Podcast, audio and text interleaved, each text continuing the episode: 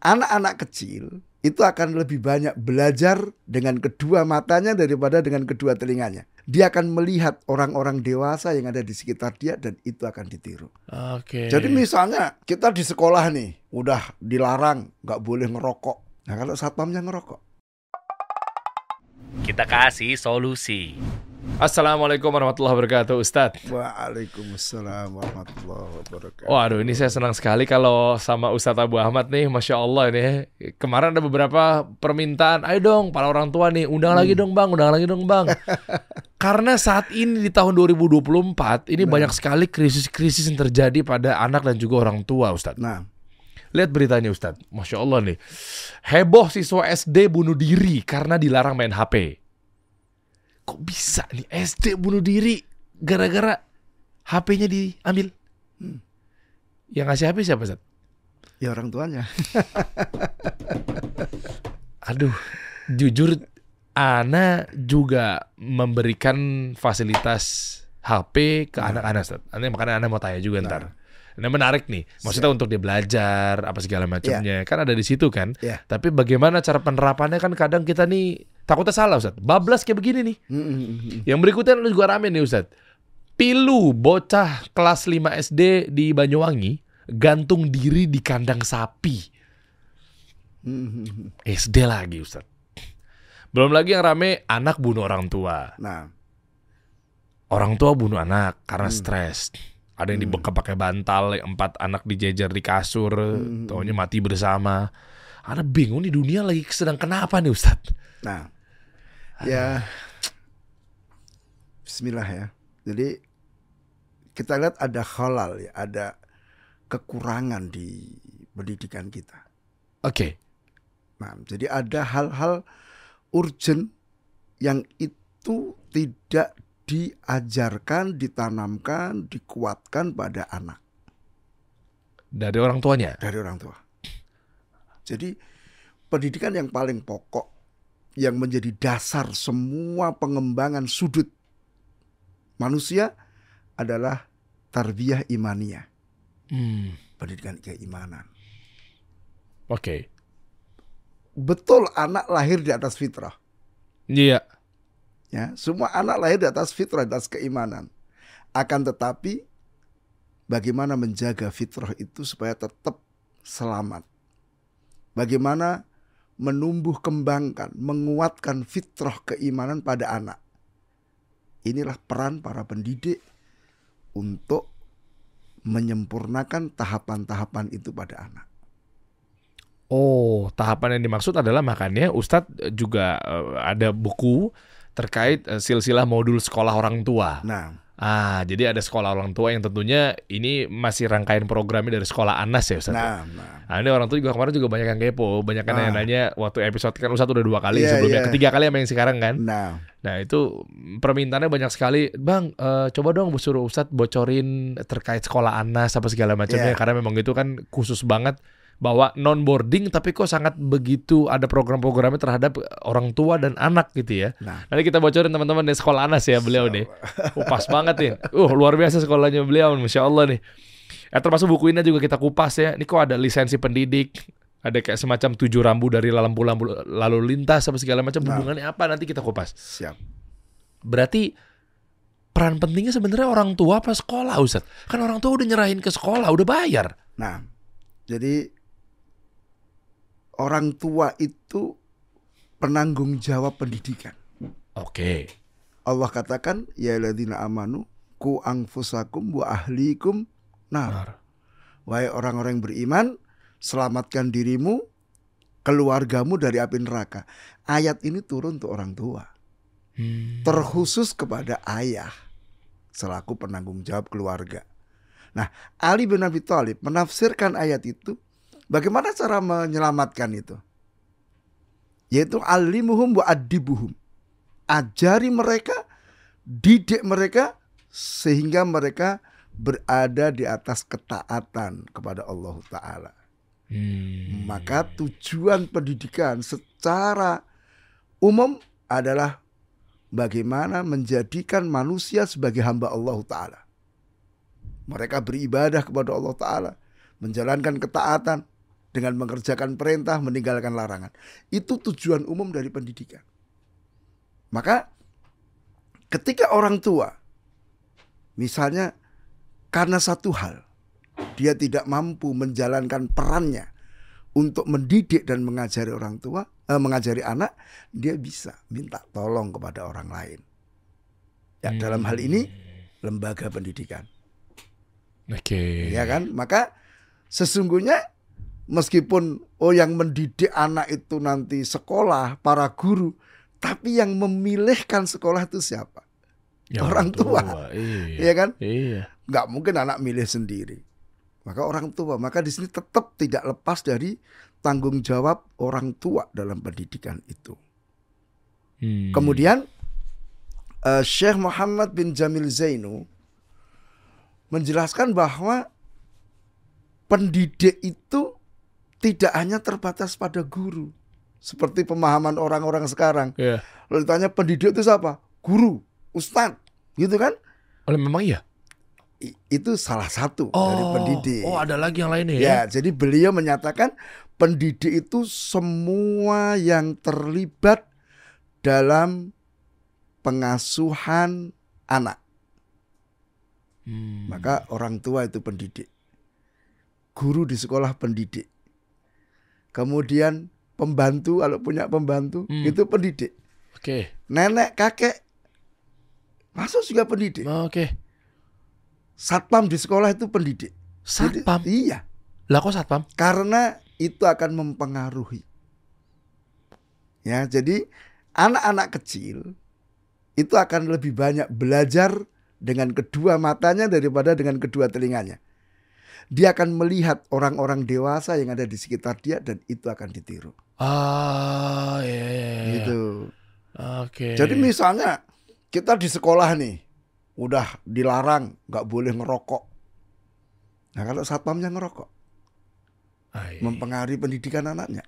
Iya juga ya. Kemudian nanti misalnya eh, penjaga kantinnya dia jual rokok, nggak bisa. Jadi pendidikannya adalah amal jama'i, kerjasama, tidak hanya satu pihak. Tetapi penanggung jawab utama adalah orang tua. Hmm. Jadi Bang Dery bisa ngelihat nih, kita punya sekolah itu kan menerima anak yang sudah mendapat pendidikan sebelumnya di keluarganya. Iya. Ya kan? Misalnya anggaplah anak itu paling cepat eh, sekolah usia tiga tahun. Playgroup. Iya. Tiga tahun sebelumnya itu siapa yang didik?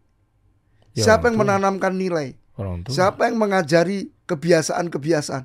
Orang tua. Hmm. Maka ya kita sebagai lembaga pendidikan itu punya tugas besar. Satu, kalau memang anak itu sudah dididik dengan hal-hal yang positif, sisa kita melanjutkan. Meneruskan. Oke. Kalau untuk porsinya gimana, Zat? Gimana? Aku ada potong, Zat. Yang dimaksud dengan orang tua sama sekolah, apakah 50-50 pembagian tugasnya untuk menjadi pendidik atau sekolah tetap lebih besar eh, persentasenya Nah, atau orang tua yang lebih besar? jadi sekali lagi orang tua penanggung jawab. Iya. Jadi dia harus mengecek, mengontrol bagaimana pendidikan anaknya di sekolah. Dia harus sering menanyakan ke pihak sekolah, anakku bagaimana, perilakunya bagaimana. Tidak sekedar menanyakan hal-hal yang sifatnya akademik. Oh, Gitu. iya. Nilainya bagus nggak? Nah, enggak, enggak sebatas itu, tapi Oh, iya, iya. perilakunya anakku gimana? Dia sholat duhur enggak? Gitu. Dia bully temennya enggak? Dia bahagia enggak ketika belajar di kelas? Gitu. Dan ini Hmm. ini tugas orang tua. Maka statusnya guru sekolah itu membantu orang tua. Maka dari sini kita bisa melihat porsinya itu lebih banyak di orang tua sebetulnya. Oh, ya kalau hitung-hitungan kasar mungkin 60-40 kali ya, Ustaz ya. Mungkin bisa dianggap seperti itu Iya, atau iya. lebih besar lagi Oh. bisa. Karena misalnya untuk sekolah yang non boarding misalnya, Iya. Dir, itu kan mereka di sekolah berapa jam? Non rumah boarding berapa ya, ya. jam? Oke oke. Ya kita nggak tahu ya. Misalnya eh, kebanyakan sekolah sampai jam 1 sampai jam 2. Ya, dari Iya. jam 7 sampai jam 2. Setelah itu kan dia pulang ke rumah.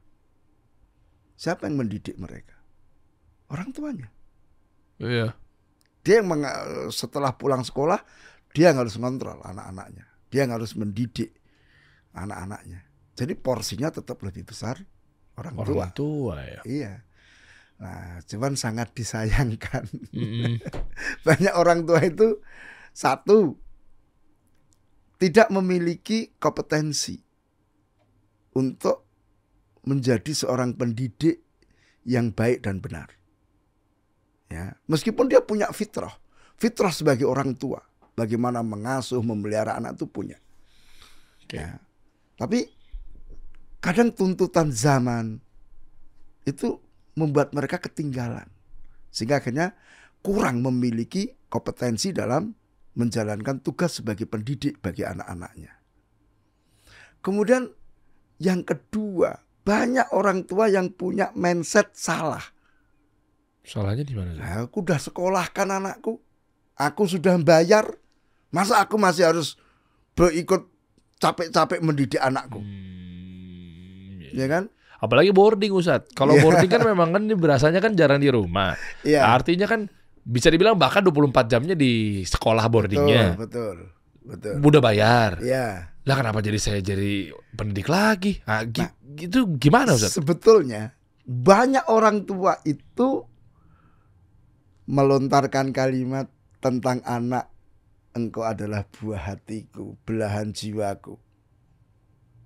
Kira-kira kalau Bang Dery punya mobil mewah, dititipkan ke temen, itu loss atau ditanya-tanya? Oh ya tanya. Nah, iya. Tanya lah. Masa didiemin aja? Masa- Iya, wes loss sudahlah terserah lah mobilnya terserah antum Oh gimana ya gitu. enggak, enggak, enggak gitu. Iya, iya, iya. iya. Ini anak lebih daripada mobil loh. Kenapa di loss di situ? Ya kan? Iya. Apakah kita ya kita bukan bukan suudon kepada pihak boarding kan? Tetapi kita tetap harus kontrol. Kita harus tanyakan. Kita harus kunjungi. Kita lihat kenyataannya bagaimana. Terlebih mungkin ya eh, bukan kita nakut-nakuti kan ada banyak juga kan kasus-kasus di pesantren. Iya. Ya. Nah, maka ini mengharuskan orang tua harus banyak komunikasi.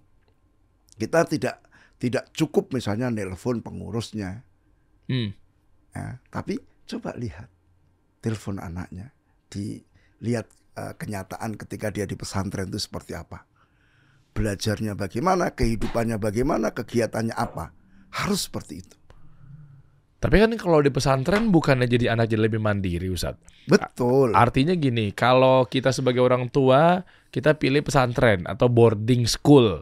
Nah, Harapannya kan tadi ya udah bayar 24 jam anak saya pada Anda. Lalu selama di sana pun juga kan justru malah bagus dong harusnya. Bukan jadi saya tanya-tanya kenapa kalau saya tanya-tanya malah jadinya manja lagi dong. Justru karena kita masukin ke pesantren atau boarding school ya biar nggak manja, biar bisa mandiri, betul. biar dia nggak ngelawan orang tua. Iya. Karena ada sedikit jarak lah kan kadang gini Ustadz bahasa kasarnya gini deh analoginya ekstrim nih Hmm, ada bos sama pegawainya hmm, hmm. Makanya kan ada di ilmu tentang eh, human resource atau mungkin HRD itu Nah, ada dikasih jarak lah antara karyawan dan orang eh, bos. Mm. dalam tanda kutip ya. Hmm, hmm. maksudnya jadi nggak bisa terlalu dekat juga gitu. Ada tuh ilmu HRD tuh kenapa memangnya? Ya ntar dia ngerasa bahwa oh aku deketin sama bos gue serampangan kerjanya santai lah kalau telat mah. hmm. Ya, makanya ada sedikit jarak. Nah, Artinya kalau coba anak cocok logikan di hal ini adalah ketika terlalu dekat sama orang tua pun juga jadi manja. Makanya ada ide boarding school biar dia mandiri. betul. Di suatu sisi bukannya baik ya Ustaz? Betul. Itu sudah di bagian ke-6 dari buku itu. Ada di buku ini ya Ustaz? Ya, Bagian 6, oke. ya, jaga jarak. Jaga jarak. Bentar, lisensi pendidik bukan? Ya. Jaga jarak tuh ada yang di poin keberapa Ustaz? Oh, Ada di situ. Jadi iya, seorang iya. pengemudi itu kan ketika Oh, mengemudikan mobil, Iya. dia harus jaga jarak kan Iya, ah, betul. supaya tidak tabrak belakang. Eh, betul. Nah, ini artinya seorang tua memang tidak boleh terlalu dekat sampai memanjakan anak-anaknya. Ah, itu kan. Itu merusak. Tetapi kalau jaraknya terlalu jauh, ini juga merusak karena anak merasa tidak disayang, anak merasa tidak dicintai. Coba misalnya ada anak misalnya, udah masukkan ke boarding, dah setelah itu nggak pernah ditengok, nggak ditanyakan kabarnya. Kira-kira anak gimana? Sibuk Ustaz kan orang tua pengusaha. Iya, ya itu tadi kembali kepada nggak peduli nggak peduli dan nggak tahu soal itu ya. kembali kepada apa namanya anak ini adalah belahan jiwa, harta yang paling berharga bagi orang tua orang tua kita. Tapi kalau kemudian kita tinggalkan, anak merasa, ih aku dibuang nih. Nah, ya. Padahal maksud kita adalah apa? Baik kan? Supaya anak jadi soleh, nanti mendoakan. Kira-kira kalau anak udah merasa aku dibuang, nanti doain nggak sama orang tua? Oh ya, enggak ya. Banyak. Nah, bapakku aja nggak suka sama saya, ngapain aku doain dia? Seperti itu. Maka kita jaga jarak. Tidak terlalu jauh, Iya. juga tidak terlalu dekat. Oke lah kita tengok anak kita. Ya tidak tiap hari tengok. Hmm. Mungkin berapalah sebulan sekali. Kemudian ya ketika nengok itu coba kita sampaikan motivasi, nilai-nilai ya, bahkan mungkin apa yang menjadi perasaan kita. Apa yang menjadi niatan kita untuk memondokkan anak itu kita sampaikan supaya kamu begini begini. Sehingga anak itu juga oh ya, berarti harapan ayah itu besar sama aku. Sehingga motivasi mondoknya tinggi. Jadi Hmm. biasanya anak-anak yang bermasalah di pondok itu karena tadi kurang perhatian juga. Oh. Gitu. Ada kisah nyatanya Ustaz? Ada. Pengalaman. Saya pernah dititipi oleh seseorang. Ustaz titip anak saya. Oke? Bener-bener titip bang. Oke. Nggak pernah ditelepon. Nggak pernah ditengok. Nggak pernah dikirim uang jajan. Eh, banget. Dampaknya apa dampaknya? Apa dampak Ustaz? Mencuri. Hah? Mencuri. Oh, nyolong. Iyo. Kenapa? Ya sekarang anak-anak yang lain beli permen, dia nggak punya duit. Oh, ya, ya. Oke, kalau dia sekali dua kali minta, mungkin temennya masih ngasih. Yang ketiga, kamu minta terus. Ya, sedih kan dia. Hmm. Gimana aku bisa beli permen? ya karena dia nyolong milik temennya. Iya, iya, iya, iya. Jadi artinya harus ada kedekatan dalam batas-batas. Gitu. Ini penting sekali. Iya, iya, Maka iya. kalau di analogi itu tadi jaga jarak. Wih keren analoginya. Ini ini, ini bukunya ini pamungkas Iya. sekali nih. Ini s- modul sekolah orang tua tuh di sini Nah, ternyata ya. nah, iya. Oke. Jadi seperti itu. Karena kalau terlalu dekat anak manja, nggak mandiri. Kalau terlalu jauh Hmm. ada kebencian itu Masya tadi. Allah, barakallahu fikum Ustaz. Nah, Kalau tipenya misalnya anak kurang perhatian nah, dari orang tuanya, mm, seperti tadi yang dicontohkan gitu kan?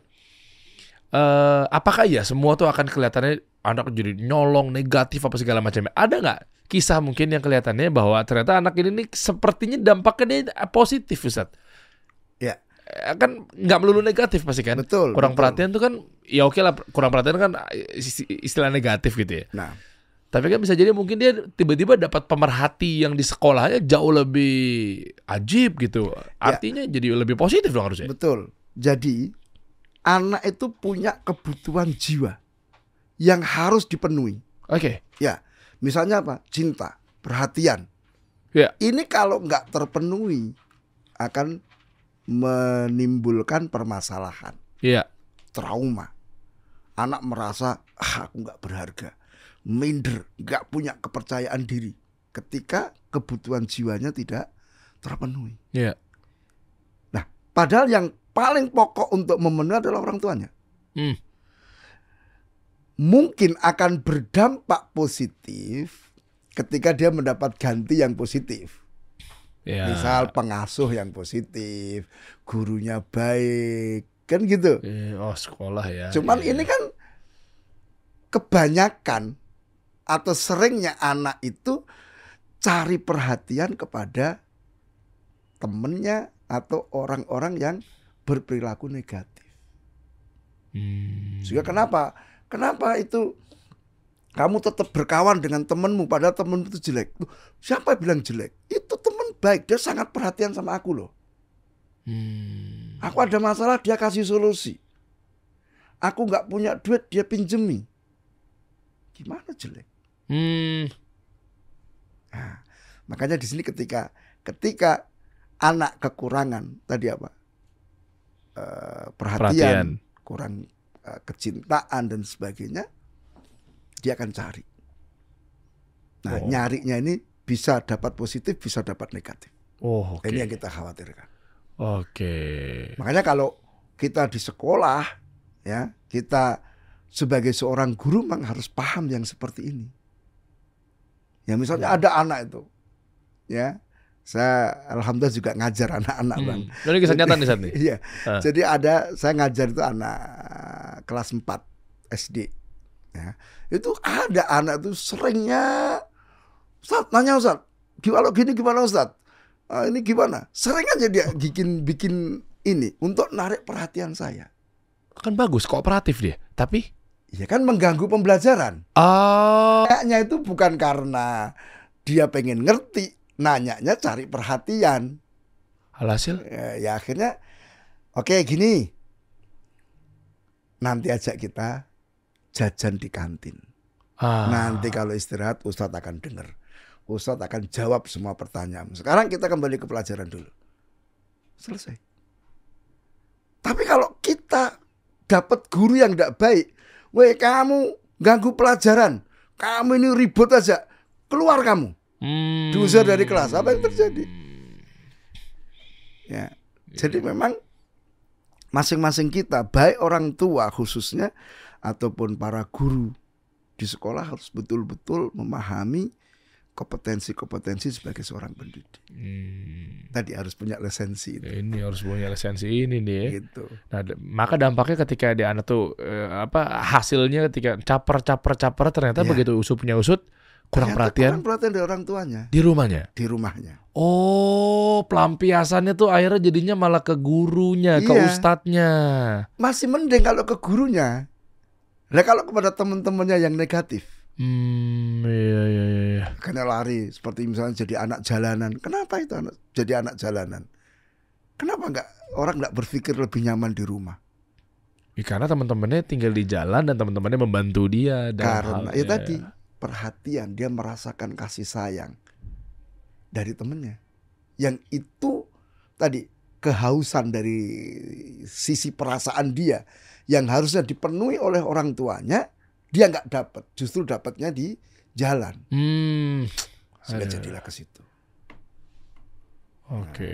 Makanya kalau kita di Anas, Bang Dery ya, Iya, Ustaz. maka kita tidak hanya mendidik anak-anaknya. Justru yang paling penting adalah apa? Orang tuanya. Hmm. Karena tadi pendidikan itu apa? Semua yang terlibat terkait dengan anak. Guru, orang tua, bahkan orang tua yang paling pokok. Kita nanti akan kesulitan dalam membentuk anak sebagaimana yang kita inginkan untuk menjadi anak yang soleh dan sebagainya kalau visi misi antara orang tua dengan sekolah nggak sama Iya. gitu kan Oke. Nah, kalau ada kesamaan sinkron kita jadi misal anggaplah di sekolah diajari begini. Iya. Tinggal di rumah karena orang tua sudah sama dan dia paham, tinggal yuk prakteknya di sini. Keilmuannya di sekolah, prakteknya di rumah. Gitu kan? Iya. Nah, ketika tidak ada kesinkronan, kesamaan visi misi, apa yang diajarkan di sekolah dirusak di rumah. Oh, ngerti. Contoh misalnya di sekolah udah dikasih pemahaman begini, begini, begini. Ya, Taunya begitu balik ke rumah, orang tuanya nggak konsen pada ini, tapi malah dikasihnya begini, begini, Betul. begini. Jadi, kisah nyata, Bang. ah gimana tuh Ustaz? Kita ajari tuh anak-anak makan pakai tangan kanan. Oke. Kalau makan pakai tangan kiri itu seperti setan. Eh. Maka harus makan pakai tangan kanan. Sampai rumah, di rumah dia lihat ayahnya makan kerupuk pakai tangan kiri. Oke. Ditegur. ayah di sekolah nggak boleh. Sekolah itu harus makan pakai tangan kanan. Kalau makan tangan kiri, nah, seperti makannya setan. Orang tuanya tersinggung, marah. Siapa yang bilang? Ustadzmu, ustadzmu itu yang setan. Eis, Keliru. Yang harus tangan kanan itu nasinya. Kalau kerupuk, enggak apa-apa kiri. Gimana? Balik ke sekolahan, besoknya kita harus bersih-bersih, Bang. ya Allah. Anak sudah punya dapat syubhat lah bahasa kita. Iya, ya. iya, iya, iya. Dari orang tuanya. Oh, kalau kerupuk boleh tangan kiri. Yang harus pakai tangan kanan itu yang makanan pokok. Nasinya atau apanya gitu kan. Ah, iya, iya. Tapi kalau yang misalnya Cabe cabe Gorengan gitu. sama cabe itu kan Iya. begitu, cabenya tangan kiri Iya. tuh. Ini kan karena nggak sinkron, kita harus bersihin dan itu lebih sulit. Kalau pertama kan anak kan masih polos. Iya, iya. Oke, yang penting ini kamu makan pakai tangan kanan, jangan pakai tangan kiri. Yang kedua, dia mesti akan bantah. Lu ayahku bilang nggak apa-apa kok. Coba Aduh. kita harus, masa kita harus gini, bapakmu yang keliru. Gimana? Ya Kita enggak lu- dong. Aduh, rame lagi deh tuh. Dua aspek tuh. Satu ya berarti gurunya juga nggak based on dalil misalnya. Iya. Masa ngasih dalil yang nggak benar gitu ya. Iya. Dan yang kedua Ya balik lagi ntar rame lagi tuh Iya. Guru macam apa tuh bilangnya kayak begitu Aduh Jadi inilah pentingnya kita menyamakan visi misi. Ya maka orang tua wali murid yang ada di Anas itu diwajibin untuk ikut sekolah orang tua. Oh jadi ada Wajib. tambahan prog- program itu Iya wajib bayar SPP juga. Oh Jadi sekolah ada- orang ada tua ini ya pembiayaan. Iya. Wah ini mah lengkap banget ya kalau dari bukunya Eh, Dan ini modul yang dipakai ketika di sekolah Iya. orang tua Iya. Oke Jadi Masya Allah. awalnya kan kita apa belum belum ada kan Ya belum ada buku akhirnya di tahun ajaran kem- hari eh, tahun ajaran ini kita susunkan buku ini sebagai panduan untuk sekolah orang tua. Oh Masya Allah Kalau Jadi- coba pengen bukunya aja gimana Zat? Ya bisa aja. Bisa aja, Iya. tapi tapi lebih afdolnya lagi ketika masuk ke anaknya ke sana dan Iya. orang tuanya nanti dibimbingnya otomatis Otomatis. pakai buku ini. Iya. Wah itu hampir nggak ada berarti di sekolah-sekolah ya? Ya. Jadi kita hanya ada di beberapa sekolahan saja. Ya. Di- yang paling lama ya di Anas yang paling lama. Cuman dulu kan belum ada buku panduannya. Iya. Nah, sekarang sudah ada dan kegiatannya tuh cakep Bang Dery. Gimana Ustaz? Jadi misalnya nih kita apa namanya ambil satu bagian dari buku itu, saya terangkan. Ya, saya itu kita kasih kasus, silakan didiskusikan. Jadi satu kelompok mungkin 10 orang Ya. diskusi, satu mereka presentasi pengalaman kan banyak berbagi pengalaman kan Ya. karena masing-masing anak tidak sama penanganannya. Oh, saya punya pengalaman anak saya waktu begini begini, waktu begini begini kan gitu. Mereka saling mengambil faedah. Terus setelah itu ada penugasan. Oke. Praktekkan materi ini satu bulan ke depan. Oh di rumah. Ya. Masya Setelah itu silakan kasih laporan Ya. hasilnya seperti apa. Jadi misalnya di eh, bagian Wih. ketiga membangun komunikasi. Silakan yuk komunikasi dengan hangat, dengan lembut, tidak perlu teriak-teriak, jauhi bentakan-bentakan, jauhi hukuman-hukuman, lakukan dialog. Yuk praktekkan satu bulan. Hasilnya kira-kira seperti apa? Widih. Yang udah-udah gimana Sat? Anda penasaran ya, Ya mau langsung. Oh ya, selama perubahan drastis ya. ini selama ini laporan eh, dari eh, wali-wali murid itu positif. Masya Kita Allah. merasakan perubahan. Kita sendiri merasa nyaman. Kalau selama ini karena sering emosi, marah, bentak-bentak, stres dia akhirnya. Ya, dia ngeliat anaknya nggak suka. Ini. Tapi ketika kita rubah gaya komunikasi yang kita ajarkan tadi, coba dipraktekkan. Ah. Dia merasa lebih nyaman. Oh ya tidak harus saya bentak. Anaknya numpain air ya biar aja. Ya kan? Uh, paling kita ini kan Iya, kita iya. kita nggak perlu teriak-teriak dan sebagainya. Karena kadang-kadang anak itu keliru memahami apa yang kita inginkan. Memang komunikasi kita yang tidak pas.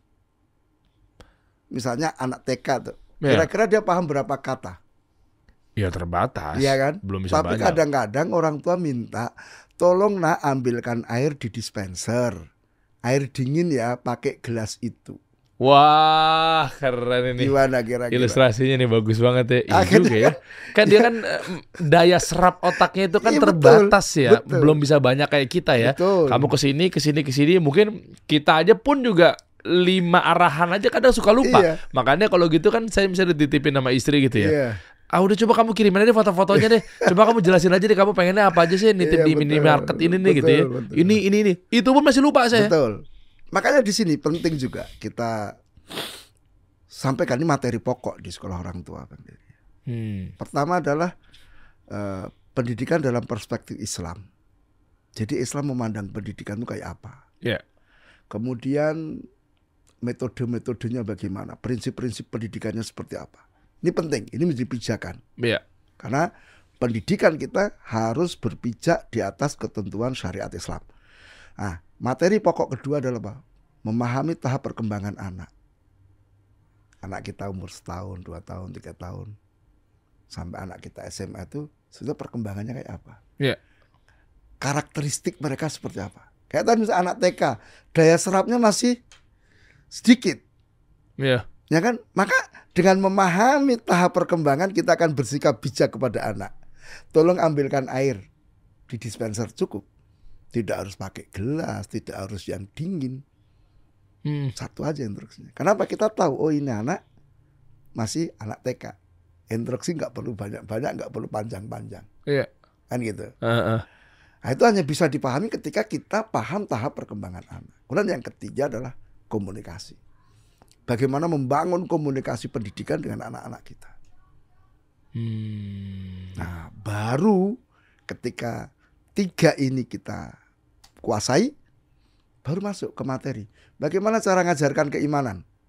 Oh. Kan harus tahu bagaimana Islam mengajarkan keimanan. Ya. Kemudian, oh anak usia TK itu diajari apa? Untuk untuk materi keimanan, untuk SD apa? Kemudian cara ngajarkannya gimana? Oh, metodenya itu Metodenya, ya. komunikasinya. Iya, iya, Banyak- iya. Nah itu seperti itu.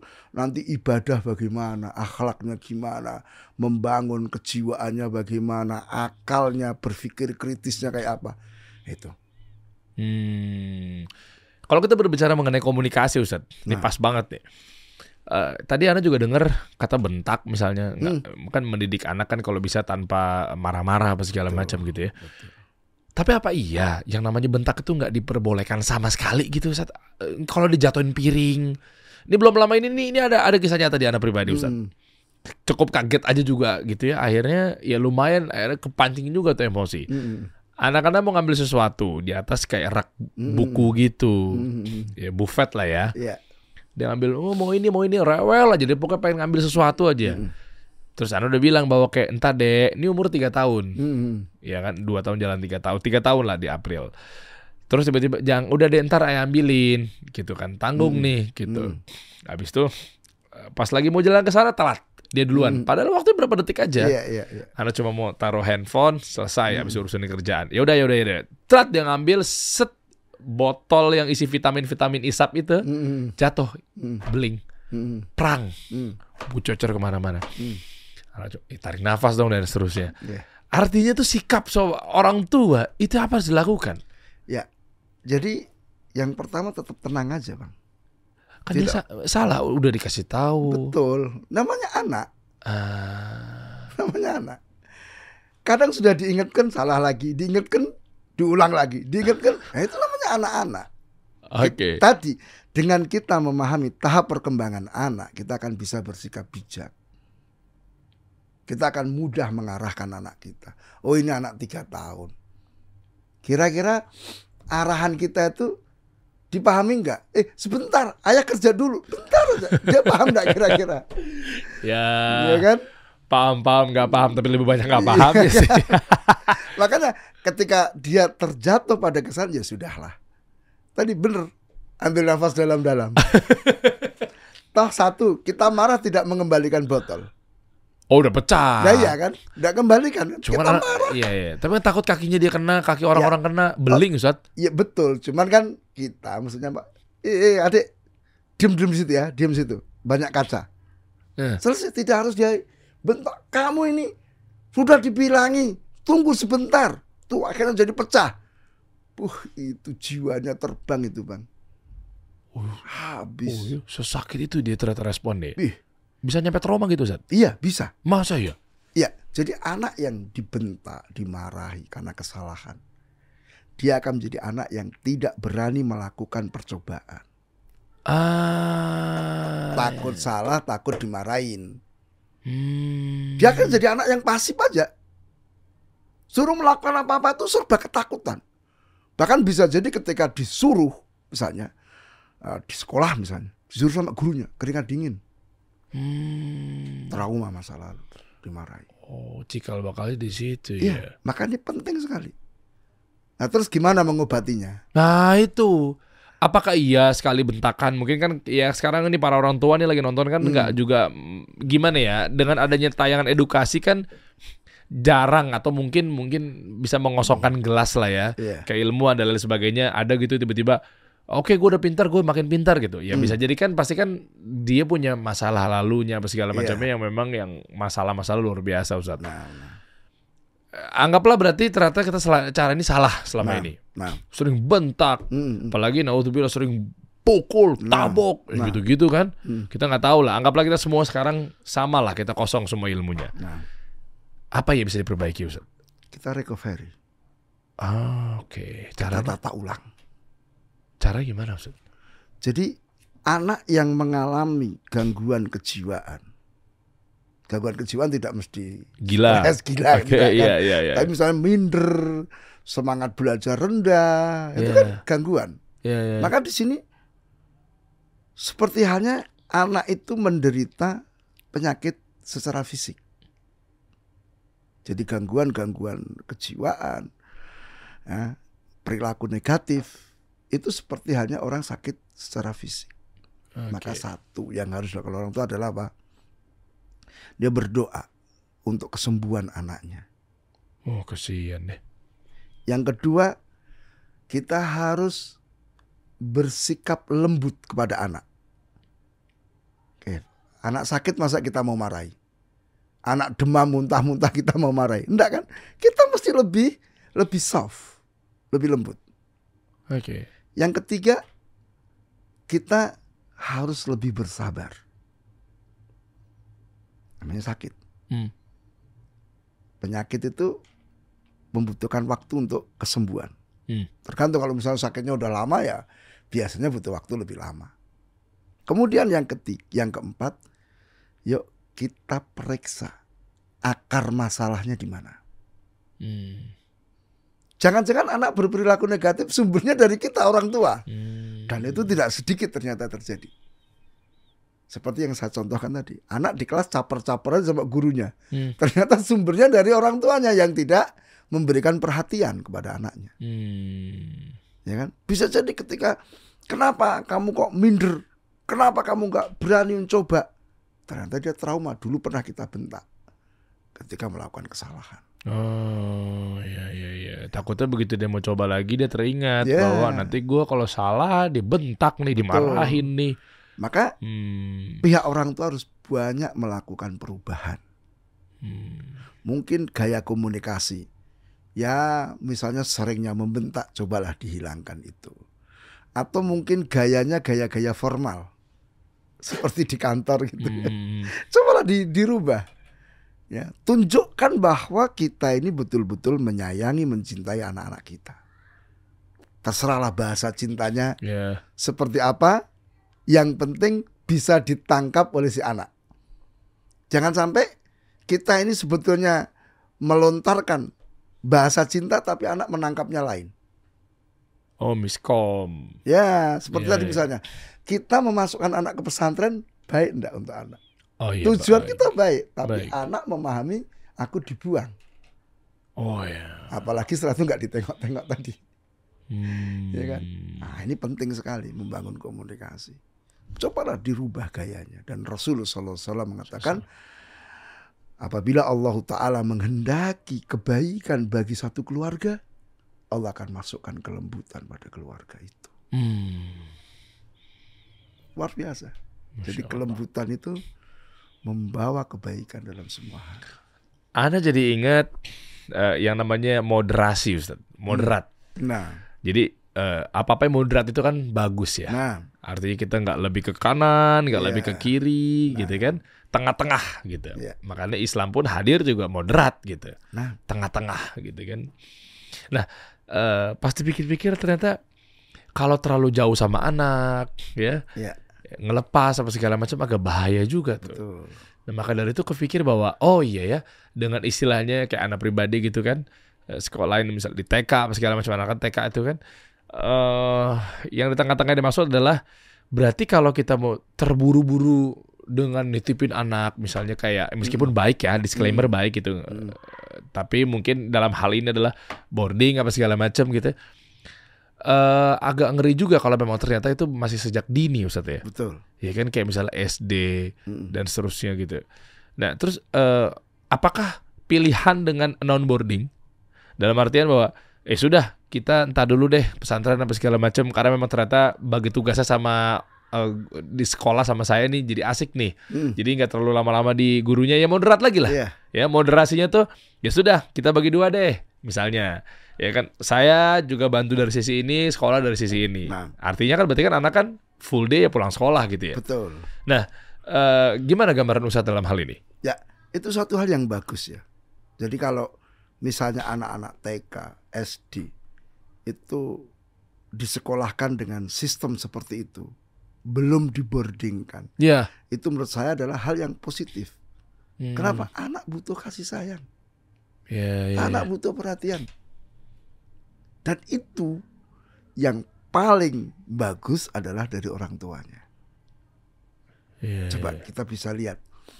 Eh kalau di keluarga dia istilahnya kompetitornya berapa orang?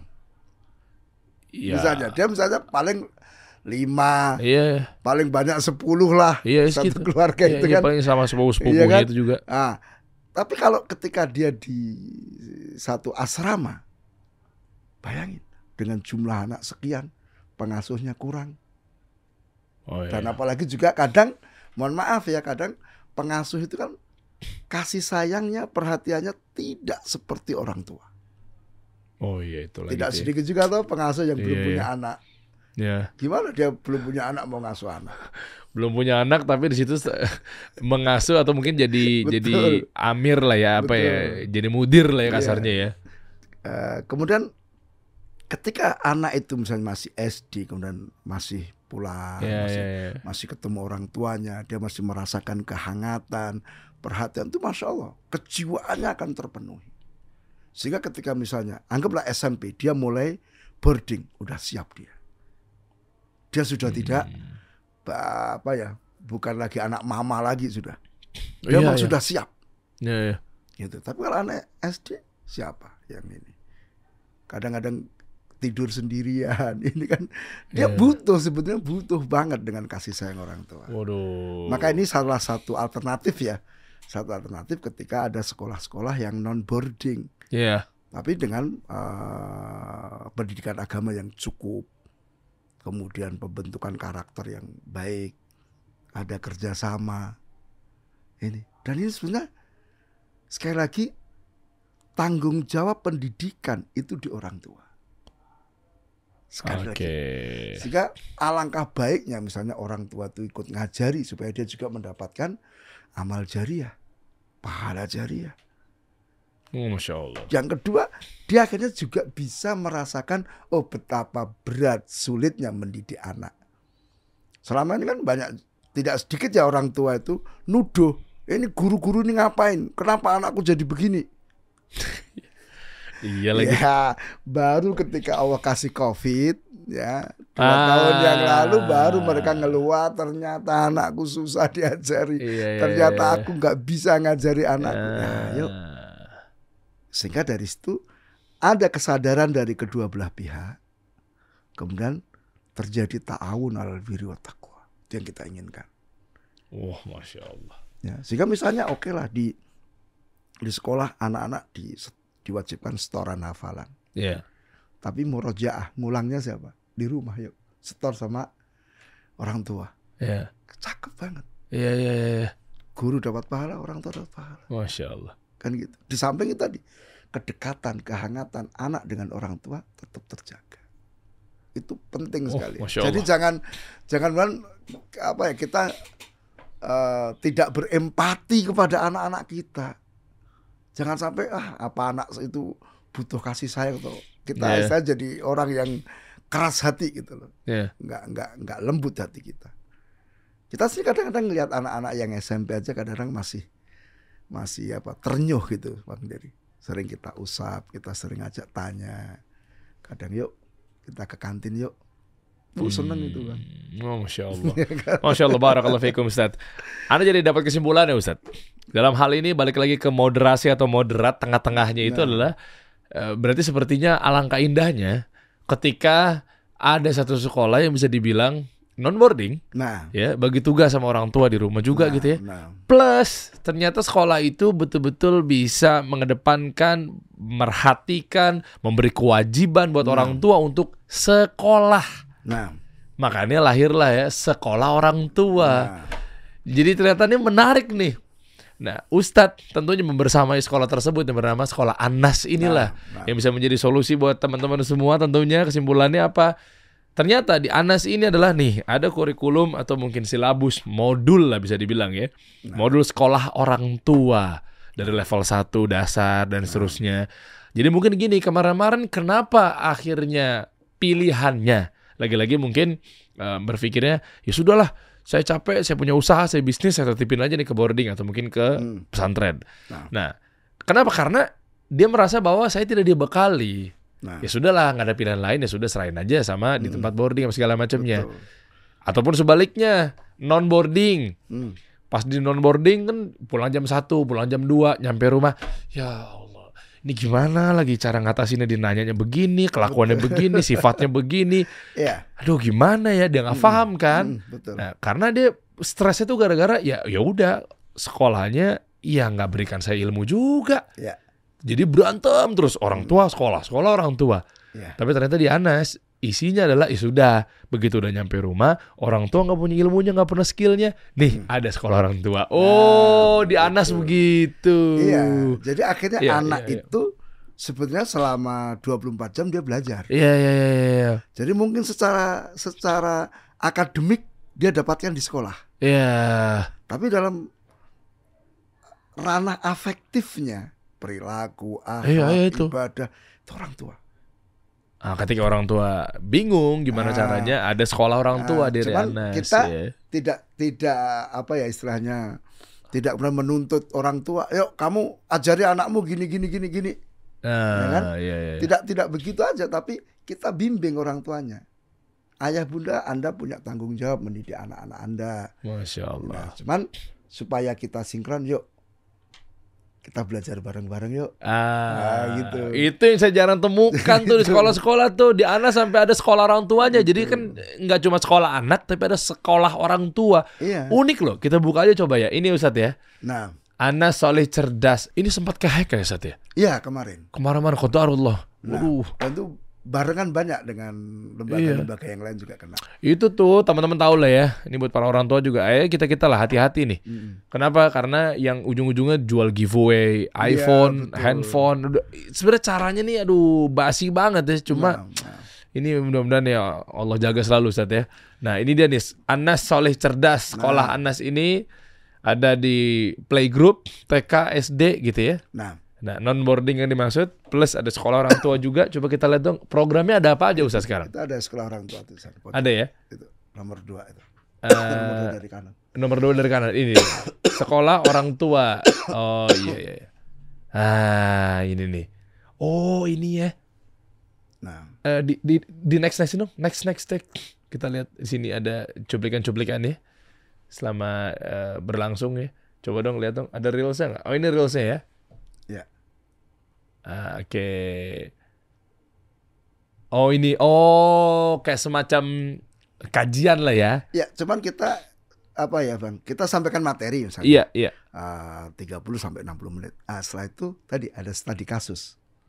Ah, Kita kasih tema-tema untuk didiskusikan sama sama orang tua.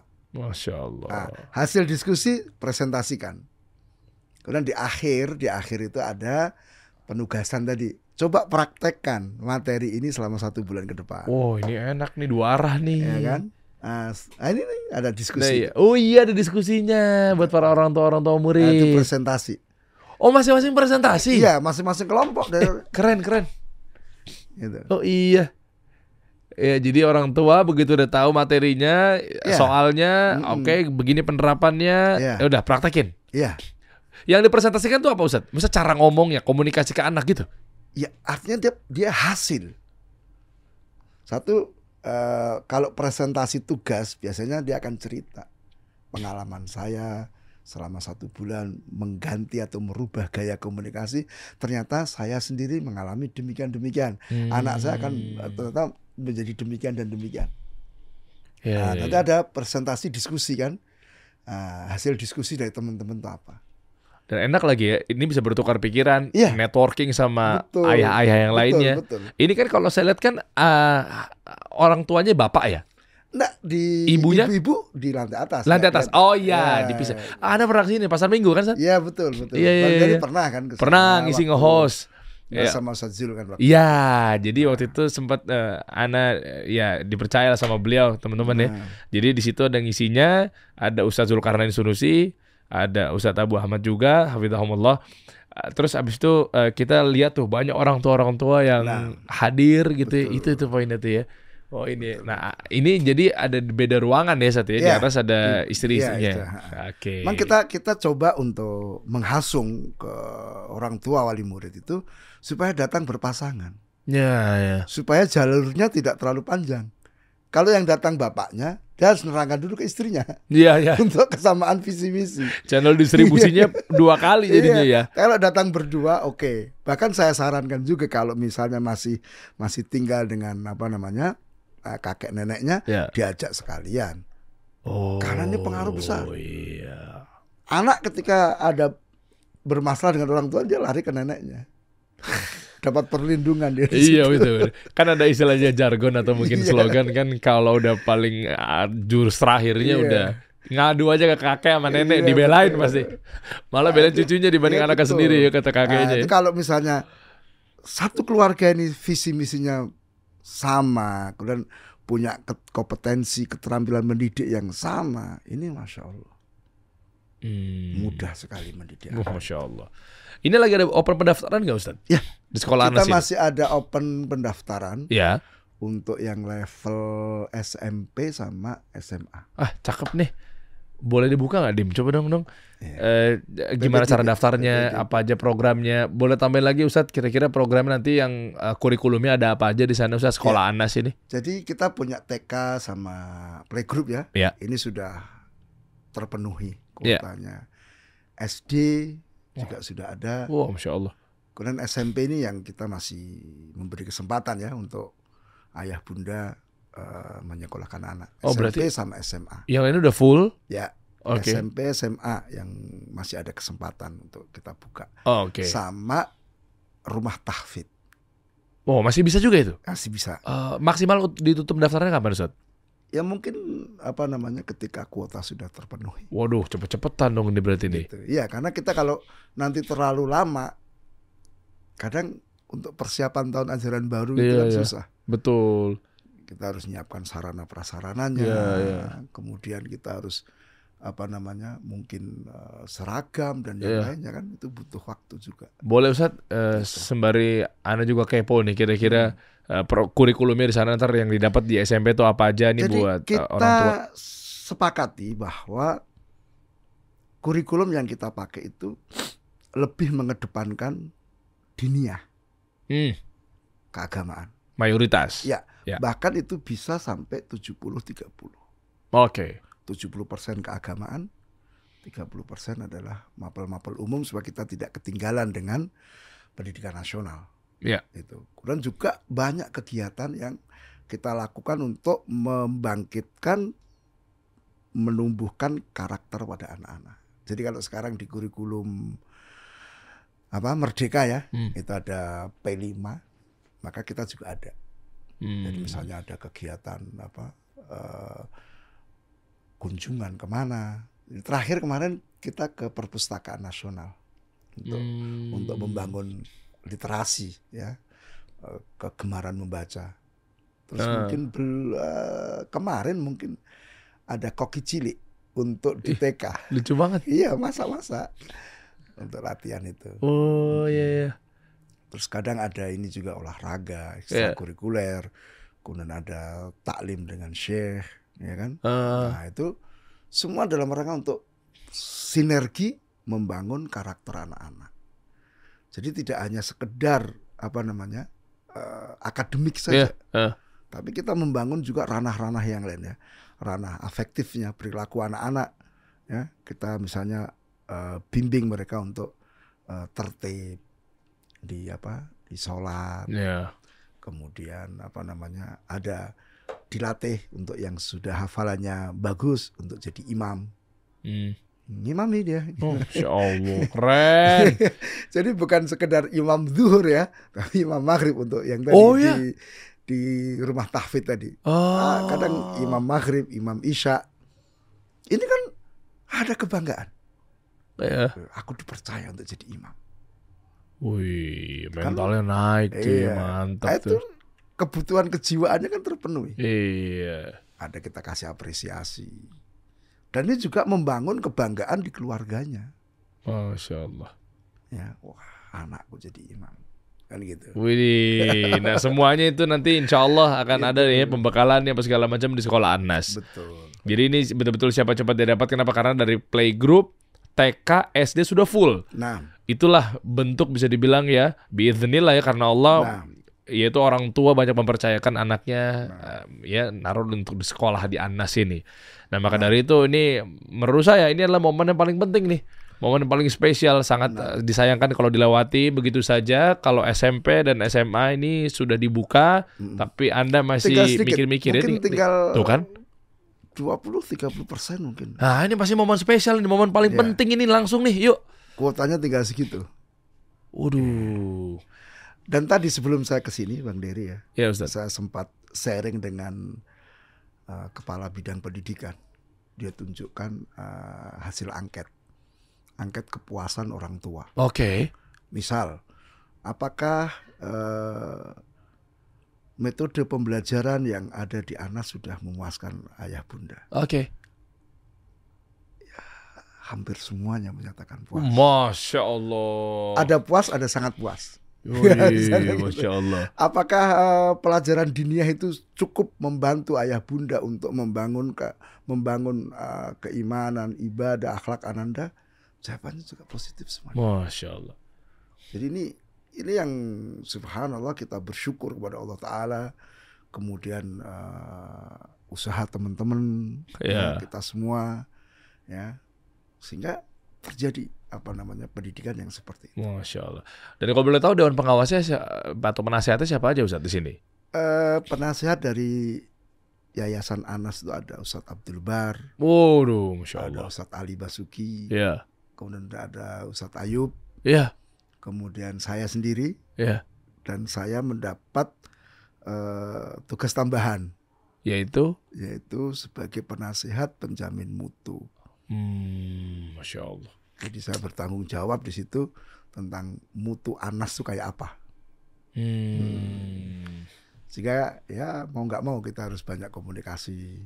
Ya. Kita ada juga acara ngopi, Bang. Ngopi. Iya. Ada ngopi-ngopi. Jadi ngobrol perihal ilmu. Wow, oh, ngopi. Kepanjangannya Ngopi. ngobrol perihal ilmu. Nah, Masya Allah. cuman kita khususkan untuk guru-guru, guru-guru Anas. Itu antara Ba'da Zuhur sampai sampai asar. Ya, terus kita pembinaan. Gimana cara ngajar yang baik, gimana jadi guru yang profesional. Kita ajari bagaimana membuka pelajaran yang menarik, Ya. bagaimana menutup pelajaran yang menarik. Ini kayaknya nanti Bang Dery perlu hadir juga di Boleh. sana. Ana support Ustaz.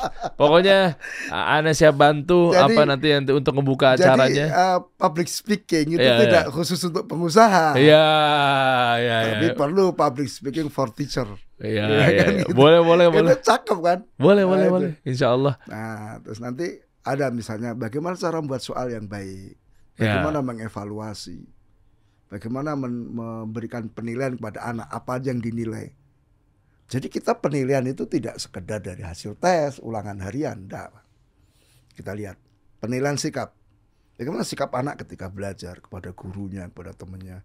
Ada nanti penilaian proses. Bagaimana proses anak itu.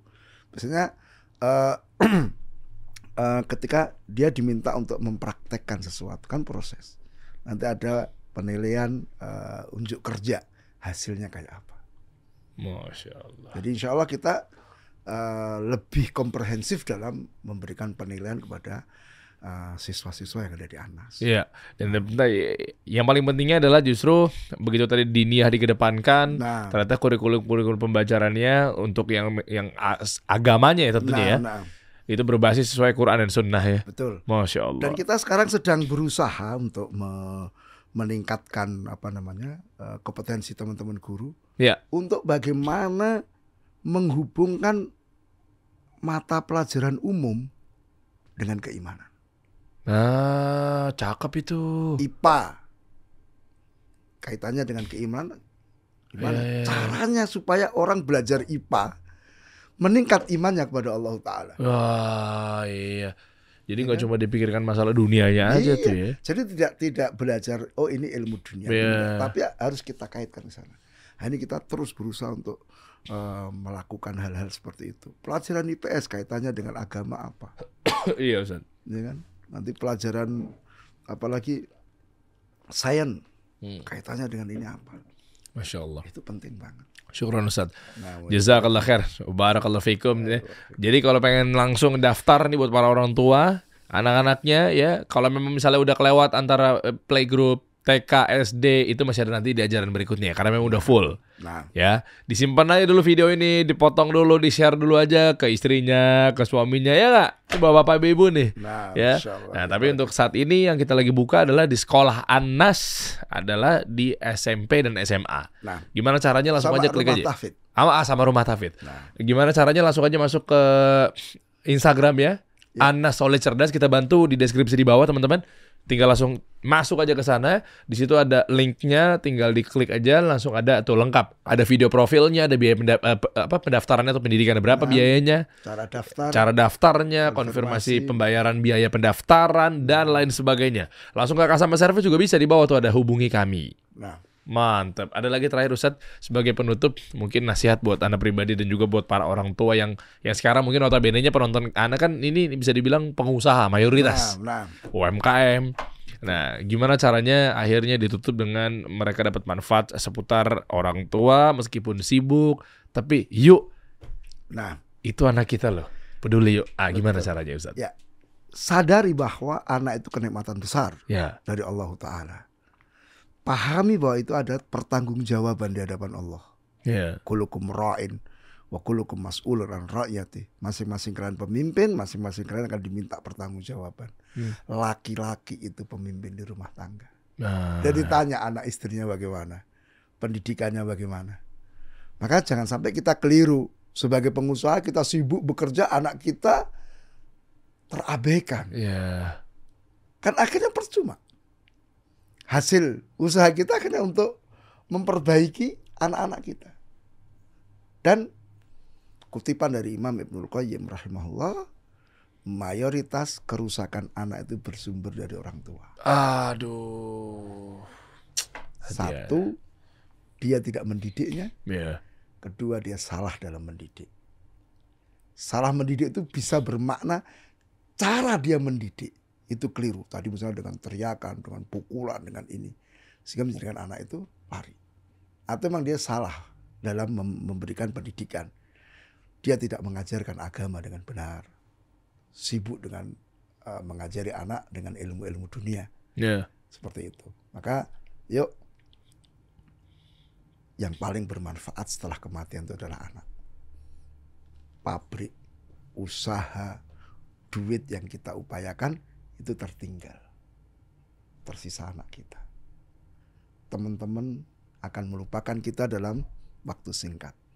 Hanya anak yang akan terus ingat dan akan memintakan ampun kepada Allah Ta'ala. Ini yang kita inginkan. Hmm. Dan nanti ketika anak kita soleh, setiap perbuatan baik dari anak kita kita orang tua akan dapat pahala sama dengan anak kita. Masya Allah. Maka apa artinya kita berusaha keras mencari uh, membangun usaha dan sebagainya kalau ternyata ini yang poin terabaikan. Banyak kan orang tua mengatakan apa? Saya kerja ini kan demi anak. Ya. Tapi ternyata kan banyak bohongnya. Enggak juga.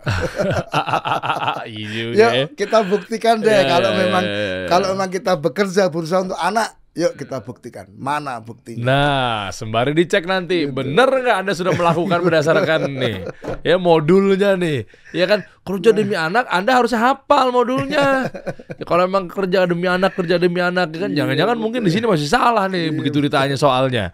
Nah, lengkapnya itu ada di sini ya. Tentunya buat misalnya anak-anak kita ada di sekolah Anas, Nah, orang tuanya akan dapat ya ada kewajiban tertentu ini dapat sekolah orang tua Nah. ya nih Ustadz Anda lihat ya ada bagian satu sampai bagian ke enam.